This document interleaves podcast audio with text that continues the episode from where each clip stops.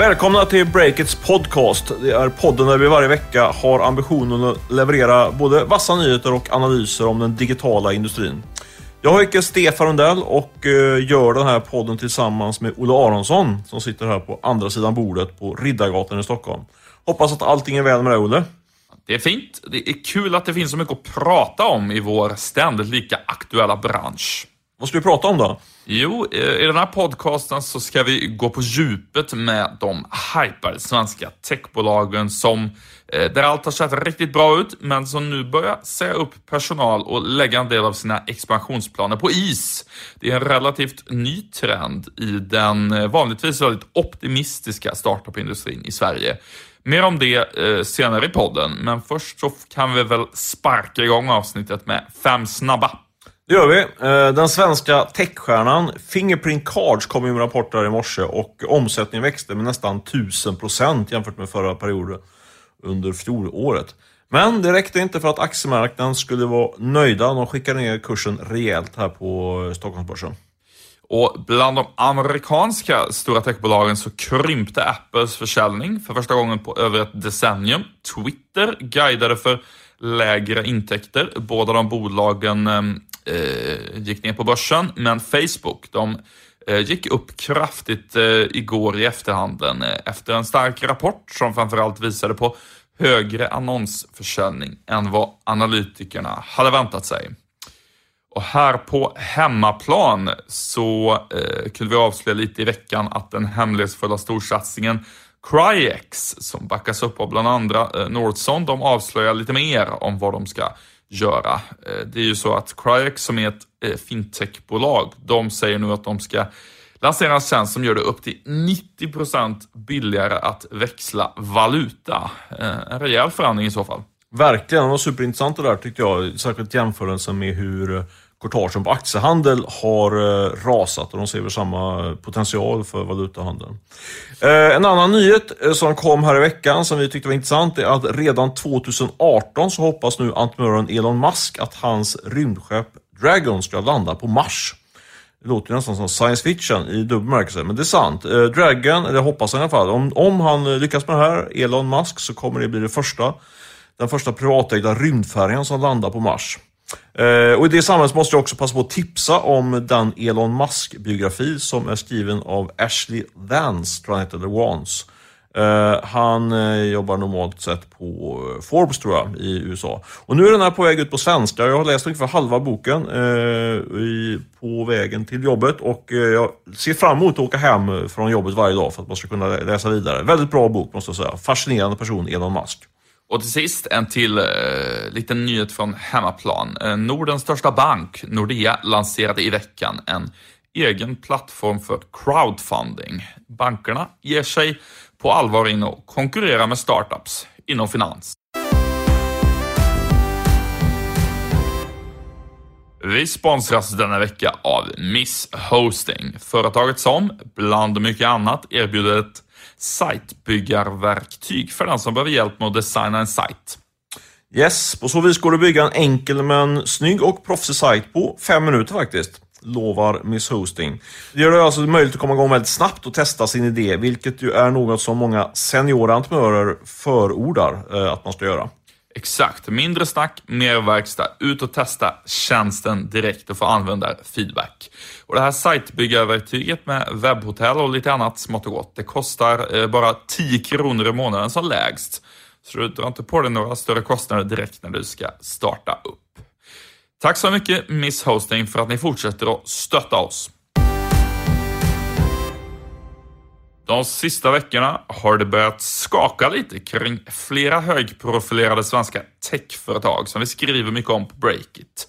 Vi har ju bland annat rapporterat om eh, uppsägningar hos eh, företag som Fyndiq och nu senast eh, Ticktail, vilket det är digital vad gäller Ticktail var först med att rapportera om. Ehm, och vi har ju bland annat försökt grotta ner oss lite på redaktionen och diskuterat med varandra om vilka slutsatser kan man egentligen dra av de här nedskärningarna? Det ska vi prata mer om nu, Stefan. Ja, vi har inte bara pratat med varandra utan vi har också ringt runt och pratat med några av de tyngsta entreprenörerna och investerarna i det här segmentet som vi brukar kalla för techindustrin. Eh, och frågat vad de tror om, eh, ja, vad som ligger bakom den här, den här trenden som jag tycker att man kan tala om nu. Eh, för, för det, och den bilden då som jag får när jag pratar, eh, om vi pratar, så säga, flera som pratar runt med dem, eh, är ju att vi kanske är mitt inne i ett trendskifte nu i, i marknaden, ett klimatskifte. Tidigare har det, det har ju pratats ganska länge om att eh, nu kan man inte fokusera bara på att man ska bygga stora användarbaser och tillväxtfokusering, utan nu handlar det också om att skapa intäkter. Men nu känns det som att det börjar bli väldigt konkret och bli, bli på, på allvar det, det snacket, så att säga. Eh, och det är, eh, upplever vi väl, att det är investerarna som driver på den här utvecklingen. Eh, man skulle säga att just i i de tidiga skedena, alltså när man plockar in eh, kapital på kanske några miljoner, där finns det fortfarande väldigt gott om kapital. Eh, men det är just i de här lite större rundorna, senare rundorna, när man tar in kapital i nästa runda, eh, kanske 50 eller 100 miljoner. Då är investerarna mycket, mycket tuffare nu jämfört med vad för 6-12 månader sedan. Man ställer helt andra krav och man kräver att man kan visa upp att man har en fungerande affärsmodell. Alltså hur ska man tjäna pengar? Till exempel tittar man på, på datapunkter som eh, hur mycket det kostar att få en kund och hur mycket man kan tjäna på den här kunden under en under den här kundens eh, livstid så att säga. Eh, och det där är eh, ja, något som vi upplever är en, en stor skillnad nu jämfört med tidigare. Och Man kan säga då, en lite intressant spaning på det temat. Jag minns hur det var för ett år sedan, vid ganska exakt den här tidsperioden. Det var nog då, då det pikade tror jag, vad gäller antalet kapitalanskaffningar och hur då lätt vi drog om breaket också. Kapital. Ja, jag, jag, jag, kan faktiskt tänka mig att vi, vi bidrog lite till hypen där, som det lätt blir i, i de medier, att eh, man spär på trenden lite grann. Man får anstränga sig för att vara nyanserad där, men ehm, ja. Så är det, men eh, om vi skulle titta lite grann på, vi förbereder den här podden, när vi, när vi förbereder den här podden så var det en spännande trend här, men, men det är också de här, de här bolagen som bildar trenden, så att säga, de har ju, har ju ändå var för sig olika orsaker också kring varför de gör det de gör.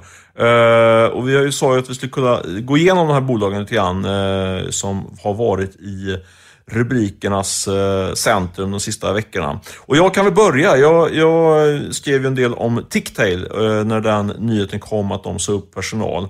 Eh, jagar start då på Karl eh, Waldekrans, grundaren och VDn, men han valde att kommunicera via mail, så där fick man inte sån jätte, så väldigt mycket, var lite pravda över Han skickade statement som vi fick ta del av här, men, men Johan Brenner... Offentligt utlåtande från eh, Ticktail, den suveräna staten Ticktail. Ja, men lite så. Lite synd tycker jag kan jag tycka, för då, då tvingas man ju eh, lägga pussel och prata med oss andra människor. Men ja, hur som helst, jag fick tag på Johan Brenner då, som representerar Creandum i i styrelsen på Tikter. Crandum är en av de största investerarna i Tikter. Och eh, där ser, får man ju bilden av att det är väldigt tydligt nu att det är mycket mer fokus på intäkter jämfört med att bygga, bygga stora användarbaser. Så det passar ju lirar väldigt bra med den trenden vi målar upp. Frågan är ju då, om man tittar på Ticktail, hur lätt det kommer bli. Alltså man har ju dragit igång eh, för ett tag sedan någon form av vad man kallar det, marknadsplats med alla sina e-handlare. Eh, och man kan misstänka att de där ska försöka ta någon form av provision då på försäljningen eh, från e-handlarna. Eh, men det har man inte testat än, eh, om det verkligen kommer, kommer att flyga. Eh, sen tror jag också att man kan resa lite frågetecken kring kostnadsbilden i Ticktail. De har ju då över 100 000 små handlare som kunder och man kan ju bara tänka vilken mardröm det måste vara att köra support för alla de här eh, ganska många, får man säga, så glada e-handelsamatörer eh, som inte har som har, som har jättestor erfarenhet av att sätta upp eh, sajter och liknande. Man kan ju tänka sådär, idén är förstås från början att det ska vara som typ Dropbox eller något sånt. Alltså, det är ingen som förväntar sig att det ska finnas support, utan man, det är en self-managed service så att säga. Men problemet blir där att när någon e-handlare inte bara, vad ska man säga, börjar ta sin, sin shop lite mer på allvar och komma upp eh, ett snäpp till, då, då kommer säkert det finnas en hel del personer som inte är så teknikkunniga, som vill ta sin business till nästa steg inom Ticktail och som har en massa frågor om extra funktioner och, och, och så vidare. Och, och... Framförallt kan jag tänka när det är tekniska idioter som jag till exempel, som kanske väljer att ringa det första vi gör nästan. Alltså, jag behöver hjälp med det här. Liksom. Det blir väldigt många sådana samtal som man,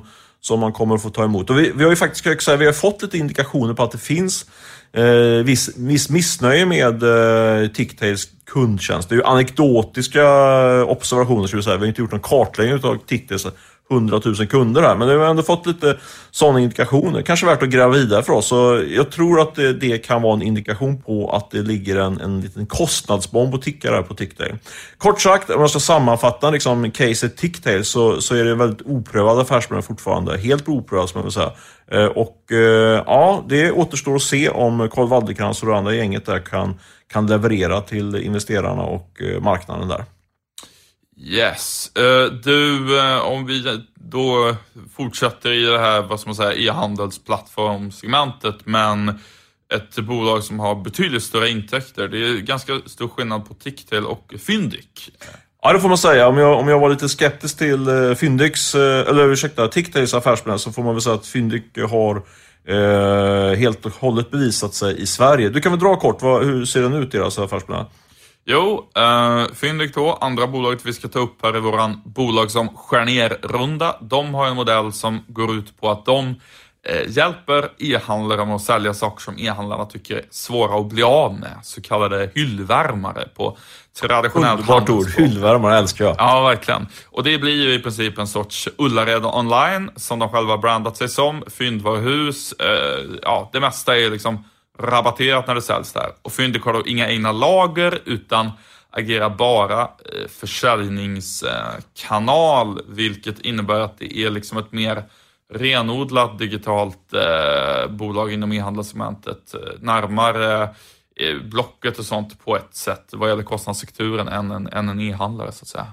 Ja, då måste man verkligen säga att i Sverige har ju den affärsmodellen eh, flera gånger om bevisat sig, men eh, de hade ju då som plan och även eh, etablera sig på bred front i Tyskland. Och där tog man beslutet här nu för några vecka sedan eller två att man, eh, man satte det på hold och eh, drog sig ur helt enkelt den marknaden. Eh, vilket eh, var ett intressant beslut. Det blir ännu mer intressant när man pratar med, med eh, grundaren där. En av grundarna pratade jag med igår, Dinesh Nayar. Eh, och han förklarar det här på ett väldigt eh, tydligt sätt. Det var helt enkelt så här att man, man, eh, det, det rullade på in i plan kan man säga i Tyskland, men man såg framför sig att man var tvingad att ta in eh, ganska mycket pengar, kanske eh, uppåt 200 miljoner kronor eller ännu mer kanske till och med, inom låt säga 12 till 18 månader. Och då hade Dinesh eh, observerat det som vi nu plockat upp här, att investerarna eh, fokuserar på lönsamhet och intäkter och mindre på tillväxt. Så han såg framför sig ett scenario att han skulle behöva gå till till eh, investerarna om låt säga ett halvår eller ett år och eh, få in pengar. Men då skulle han få väldigt dålig värdering på, eller låg värdering på, på sitt bolag för att det återstår ju väldigt mycket kvar att bevisa på den tyska marknaden. Därav beslutet att äh, vi, vi fimpar Tyskland och fokuserar på Sverige och Norden istället. Äh, så det är ett tydligt exempel på eh, hur konsekvenserna av att investerarna nu riktar mer fokus på intäkter istället för tillväxt. Då. Jag ska säga det där också att äh, de sa ju upp en fjärdedel av personalen där, äh, Fyndik, i samband med att de äh, skrotar den här Tysklands äh, satsningen. Absolut, det, det, är ju såklart jättetråkigt för de som fick det beskedet. Men man, jag tycker ändå det fanns en logik i hur man resonerar i det här fallet. Du, fler bolag som vi ska nämna i vår, vår odyssé här över bolag. Ja, jag skulle, jag skulle bara vilja hålla mig kvar lite vid, ja. lite vid Fyndik där. Jag tycker det, där, det är ganska intressant att se framför sig vad de skulle kunna bli uh, i Sverige. Om man tittar, de omsatte alltså 300 miljoner förra året. Uh, och Eh, Eh, jag tror att en bild där man kan ha, se framför sig är att visst, grundarna skrotar Tysklands expansionen, men eh, med tanke på att de växer med typ 60 procent och nu satsar på lönsamhet i Sverige. Det här öppnar ju lite grann för ett eh, alternativt ehm, spår med lite lägre risk för Fyndik där de skulle kunna växa och eh, omsätta ganska snart över en miljard och ganska snart nå lönsamhet, eller förlåt, över en halv miljard ganska snart. Och då, om de får lönsamhet i det där, då ligger det inte, och nu spekulerar jag förstås här, men det finns eh, rimlig grund till den spekulationen tycker jag. Då eh, är det inte alltför rimligt att ett sådant bolag faktiskt kan eh, gå till börsen om, om ett par år. Det är ju ett um, om de liksom håller sig hemma i Sverige och inte ska göra några enorma satsningar in jättemycket riskkapital, tycker jag att det liksom är en, en inte orimlig spekulation. Låter väl rimligt. Låter väl rimligt. Eh, det är väl bra för ett sånt varumärke att få exponering som, den exponering som ett börs, en börsnotering eh, ger. Du, Keynes Miner har ju också eh, skärt ner på folk. Vad, vad är liksom caset där? Um, ja, det är väl en av de mer svårbedömda då, ska man säga. Um, ehm, KNC, de gräver ju kryptovalutan bitcoin och dessutom sysslar de med att hyra ut eh, kapacitet för andra som vill gräva bitcoin genom en molntjänst. De har ju tagit in typ 200 miljoner i riskkapital eh, tidigare totalt och eh, har omsatt över en halv miljard de senaste åren, så det är mycket pengar som rullar där. Men i februari så sa de upp eh, ett tiotal anställda. Ehm, och det, det, är lite intressant här tycker jag, hur snabbt allting har gått i KNC.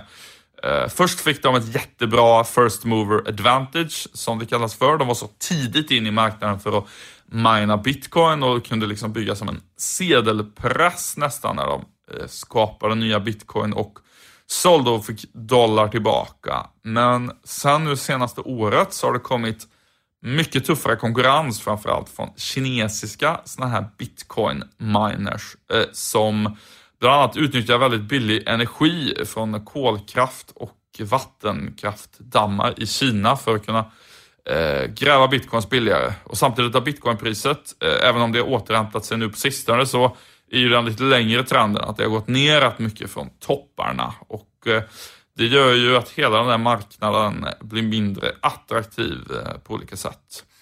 Eh, samtidigt har ju KNC, de eh, är liksom ingen renodlad mjukvaru-startup heller, utan de har ju fasta kostnader. De har sådana datorhallar uppe i Boden som ska underhållas och dessutom så har de precis som traditionella industribolag ehm, eh, jättestora elkostnader, vilket är avgörande för dem. Och det, det där är ju kostnader som de liksom inte kan göra så mycket åt. Eh, Varför säger du upp personal då?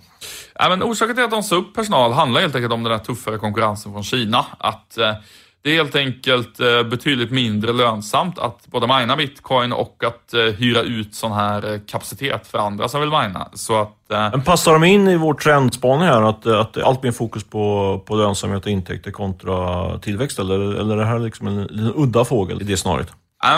Jag skulle säga att i ett så här, i en marknad där Eh, det liksom fanns en förväntan om att man skulle kunna fortsätta tälja guld bara genom att mina bitcoin eller hyra ut det.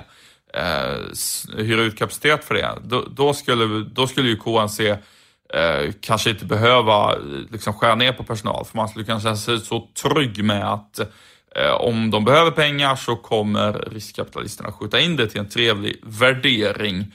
Men eh, nu när riskkapitalklimatet har blivit lite tuffare så är det klart att de vill hålla i kostnader för att, precis som vi pratade om tidigare med andra bolag, inte behöva riskera att ta in pengar till en, till en för dålig värdering. Så jag tycker absolut att det, att det passar in i caset där. Uh, eventuella förluster hade ju liksom varit något som ledningen kanske inte hade brytt sig om och de trodde att uh, värderingen för att täcka förlusterna ändå skulle bli eh, tillräckligt aptitlig. Ett annat eh, exempel har vi i vår, i vår eh, genomgång här är ju Truecaller, eh, som du också tittat lite närmare på. Vad, hur ser eh, det scenariot ut? Varför, varför säger de upp folk? De, för de sa upp här nu, var då, precis före jul var det va? Ja, en femtedel av de anställda, eller en femtedel av medarbetarna ska jag säga. Då är det både en del konsulter och även fastanställda inlagt i det. Uh, nej men i grund och botten så handlar det väl om att Truecaller aldrig kom i mål med den där värderingen på en miljard dollar som Techcrunch rapporterade om redan ja, för ett år sedan faktiskt. Den kapitalanskaffningen um, avslutades ju aldrig med den värderingen uh, och uh, Truecaller har ju heller i dagsläget nästan inga intäkter, vilket eh, innebär att de är beroende av försörjning av riskkapitalmarknaden. Eh, de har varit det hittills åtminstone. Jag vet inte vad du tycker, men jag, jag tycker att Truecaller var kanske nästan det första exemplet som var på, på den här eh, helt ändrade fokuset på bland investerarna. För det här, de har ju varit ute sedan i, i somras och försökt ta in kapital och det är väl då, Truecaller är ju på ett sätt ett amerikanskt bolag också eftersom de har amerikanska investerare och de, de eh, snappar Den här trenden har ju varit tydligare på den amerikanska kontinenten än vad den varit på den europeiska. Eh, så jag tror ju att de fick de här indikationerna tidigare än de eh, bolagen som vi har pratat om hittills här i podden. Enligt mina källor så, så, så har de försökt få in kapital under hela hela hösten. Eh, dels från de befintliga investerarna men också från externa investerare. Och man har tvingats eh, skruva ner förväntningarna på, på värderingen och vad jag förstår så har man hittills inte fått in pengar på, på inte ens på den lägre värderingen. Så det är ja, lite tjurigt. Ja, och det är ju eh, kanske det tydligaste exemplet, eller det är det tydligaste exemplet i Sverige på att eh, det här med att ha användare. Truecaller har alltså 250 miljoner användare. Enorm användarbas. Eh, men det är inte, anses inte lika hett längre att bara ha många användare, utan nu är det intäkter i fokus. Vad säger vi om Truecaller? Vad, vad, hur ska de lyckas få intäkter och vad, vad tror du om, om deras, ja, deras framtid helt enkelt? Jag måste ändå säga att eh, det förefaller ju som att Truecaller relativt enkelt borde kunna, eh, alltså relativt enkelt, borde kunna ta sig till lönsamhet som ledningen säger att de ska. De ska lansera en annonslösning nu som lite förenklat funkar så att när du ringer och beställer typ en rörmokare eller någonting sånt så kan Truecaller-appen känna av att du har ringt ett sånt företag och då vet de att du är ute efter en rörmokare och då kan de skicka fram eh, annonser i appen för att ringa kanske någon annan eh, rörmokare. Riktad reklam eh, helt enkelt. Och det låter väl som det rimliga spåret att gå och spontant kan man ju tycka att med en kvarts miljard användare så borde Truecaller kunna vrida igång intäkter så att de hamnar på 100 miljoner plus i intäkter och därmed så kan de ju gå runt då. Uh, men samtidigt så, alltså det, det löser ju så att säga uh, i sig liksom kassaflödesproblemet, att de inte behöver ta in mer riskkapital. Men på lång sikt så handlar det mer om att försvara själva värderingen. Alltså de måste ju omsätta väldigt mycket mer än så för att eh, eh liksom få en, en värdering på, på flera miljarder kronor som de väl ändå hade vid den senaste faktiskt avslutade riskkapitalrundan. Och... Jag tycker också det är svårt med Trug. Jag har ju, jag har ju följt dem ganska noga. Jag har ju varit, varit, träffat de här grundarna ett par gånger och sådär. Men jag har varit med om Indien till och med. Men jag tycker det fortfarande är svårt att se vad, hur kostnadsbilden är. Och de är rätt hemlighetsfulla där. Man frågar vad, vad gör de pengarna på så att säga. Eh, det känns som att det finns eh, någonting i den här modellen som kostar mer pengar än, än vi har lite koll på. Det är inte bara liksom konsulter och personal, liksom, utan det finns någonting annat där som, som kostar. Jag vet inte om du har lyckats eh, få någon koll på det där? Nej, jag har då inte riktigt den bilden att det finns någon liksom särskild dold kostnad, utan det, det, det, det är helt enkelt det är väldigt mycket teknikutveckling. Och, men man får ändå säga det att med, som sagt, med så otroligt stor användarbas så, så borde de kunna vrida upp intäkterna. Det handlar liksom mer om så här, de kommer lyckas med någon typ av intäktsmodell. Det handlar ju bara om hur liksom bra, och lönsam och stor och skalbar den blir. Eh, men, eh, men jag måste ändå... De tog in 600 miljoner kronor tror jag här nu för ett, ett år sedan, ett och ett halvt liksom. Och gjorde, du skrev om deras bokslut. Hur stor förlust gjorde de? Uh. Ja, men rough är det någonstans 60-70 där, liksom i förlust. Mm. Ja. Ja, jag, jag, måste, ja, vi behöver inte grotta, men jag, jag, tycker det är, jag tycker det är lite svårt att se vad alla pengar ska gå till. Alltså, jag, jag var ju förvånad när de pratade redan i somras att de ska ta in ännu mer pengar. Men de har tagit in en halv miljard över riskkapital. Det, det räcker ju en stund om man bara ska pröjsa, även om utvecklare är dyra och sådär. Så, Ja, eh, är det någon som har koll på det där så får de gärna höra av sig till mig på stefan.breakit.se så jag kan breaka det om det finns någonting där. Men, men, det man kan säga där också, det är som Truecaller behöver nu när de ska... De behöver ju ändå anställa ny personal för att eh, dra igång partnerskapssamarbeten och kommersialisera. Alltså, så är det. En halv, in, en halv miljard i lönekostnad. Du vet, det, de pengarna räcker en stund. Och sen, framförallt just att man vill ha skulle göra ytterligare en runda. Det var det jag inte fick ihop. Jag tänkte liksom, har man tagit in 640 miljoner kronor, då, kanske man, då klarar man sig. Men det gjorde de inte. Utan ett år senare skulle de ut på en ny runda. Det är det jag tycker, har jag aldrig riktigt fått en riktigt bra förklaring på vad de där pengarna skulle användas till. Men som sagt, jag är inte den smartaste i vare sig det här rummet eller i, i världen. Så det, det, går att, det går säkert att förklara det på något sätt. Men det skulle, det skulle vara intressant att få lite bättre, mer kött på benen kring det där. men om, kanske, vi, ja. om vi ändå ska liksom knyta upp säcken med de här fyra bolagen, mm. KNC, Truecaller, Tictet, Fyndik som har skurit ner på personal allihop eh, senaste halvåret. Så kan väl säga att jag tror att i styrelserummen nu, för nu har de flesta av de här bolagen kört ett styrelsemöte relativt nyligen, så tror jag att kostnadskontroll liksom är det nya eh, osexiga men ändå heta ordet. Att okej, okay, nu behöver vi liksom hålla lite i det riskkapital eh, vi har här och kanske för att kunna rida ut en eventuell eh, storm. Och för ett år sedan så tror jag absolut inte att det var så, utan då var det bara expansion och tillväxt, tillväxt, tillväxt som var liksom nyckelordet på, på alla släppar. Men du, eh, Truecaller är ju ett bolag som har, ja, kanske det som har påverkats eh, mest av det här lite tuffare nya investeringsklimatet. Sen har vi lite andra exempel på bolag som är ute och raggar kapital just nu som kan påverkas av det på, på lite olika sätt, eller hur? Ja, men precis. Vi vet ju att eh, träningsappen Livesum eh, är ute på och försöker få in pengar till en så kallad B-runda. Det indikerar väl runt 100 miljoner kronor som man försöker få in.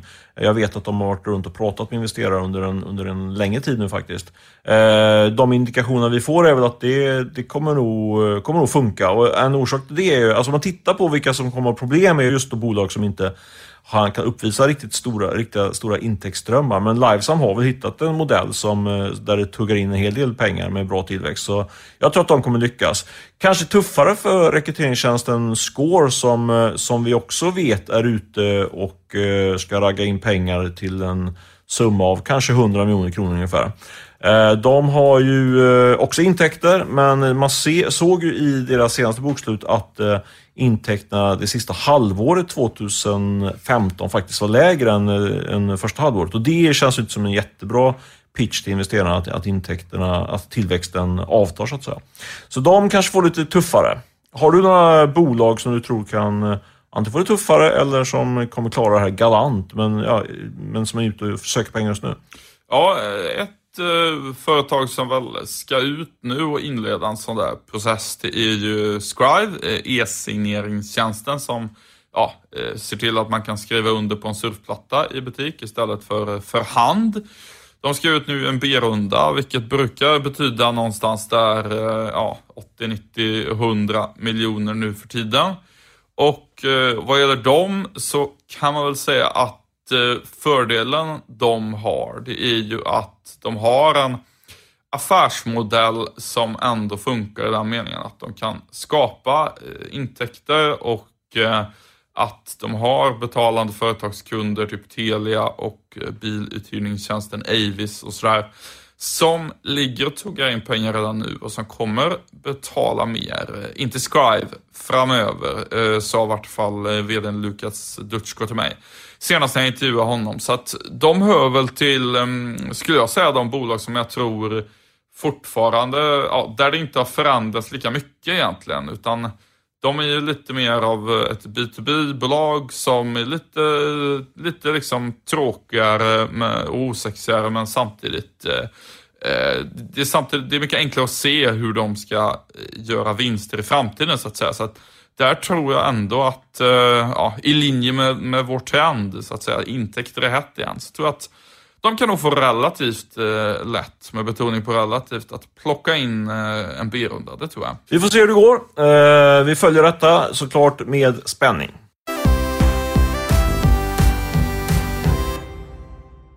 Vi sponsras denna vecka av Forefront Consulting, ett eh, entreprenörsdrivet företag som grundades 2008 och som sedan dess har vuxit organiskt till de över 200 personer som jobbar där idag. Eh, och det har de gjort genom att hjälpa andra företag och organisationer av olika slag med allt som har med den digitala transformationen att göra. Kort kan man säga att Forefronts erbjudande omfattar tre saker. Design, teknik och strategi. Kunderna finns i alla möjliga branscher, men de har gemensamt att de har utmaningar som rör den digitala transformationen och så gillar de att ta hjälp av konsulter med driv och passion. Mm. Eh, och Forefront de kommer att hänga med oss ett eh, bra tag nu som sponsor här framöver under våren och sommaren, vilket vi förstås är väldigt glada för. Och om du vill veta mer om deras erbjudanden, då kan du skicka ett mail till breakit at eh, ff cg.se. Gör det. Eh, adressen är alltså breakit at ffcg.se. Tack Forefront för att ni sponsrar oss. Vi ska säga någonting kort också om eh, den eh, ständigt heta potatisen personaloptioner. Eh, där startups ju debatterar, argumenterar för mer förmånliga skattevillkor och staten och statens utredare inte riktigt vill ge med sig där. Ehm, vi kommer följa upp hela den här debatten på Breakit med en utfrågning och inte vilken utfrågning som helst. Nej, det är faktiskt så att vi har fått möjlighet att bjuda in eh, startupministern, eller näringsministern, Mikael Damberg, han är ju numera också IT-minister, till en utfrågning som vi kommer ha på startup-hubben Sub46 här i Stockholm. Riktigt spännande. Han har tackat ja och det har du också gjort Olle. Du ska ju fråga ut honom. Ja, precis. Två giganter möts. Nej, skämt åsido. Eh, vi kommer att ta upp alla de här politiska frågorna som är viktiga för startups. Vi kommer inom kort att återkomma i alla våra kanaler med datum och tid och så vidare. Men redan nu så kan du om du vill mejla frågor till mig eh, på olle.breakit.se. Gör det om du har förslag på saker jag borde säga när jag ställer eh, ministern mot väggen. Det tycker jag verkligen och eh, planen är också att eh, alla ni som kommer dit på det här eventet, vi ska inom kort ge er datum också när det är helt spikat. Det är i princip klart. Vi dubbelcheckar detta. Ni kommer ju kunna ställa ministern mot väggen genom att ni ställer frågor efter att Olle gjort sin utfrågning. Så det blir spännande. En het tillställning, tror vi. Ja, det hoppas vi verkligen på. Du, nu är det dags att vi ska avsluta det här poddavsnittet. Men innan dess så ska vi tacka Beppo ljudproduktion som som vanligt spelade in det här via länk och klippte det. Annars hade vi inte klarat oss. Uh, signa också upp er på vårt nyhetsbrev och uh, surfa in ett par timmar per dag på breakit.se eh, så är ni fullt uppdaterade. Det räcker nog faktiskt med några minuter. Ha det så bra. Hej då! Hej!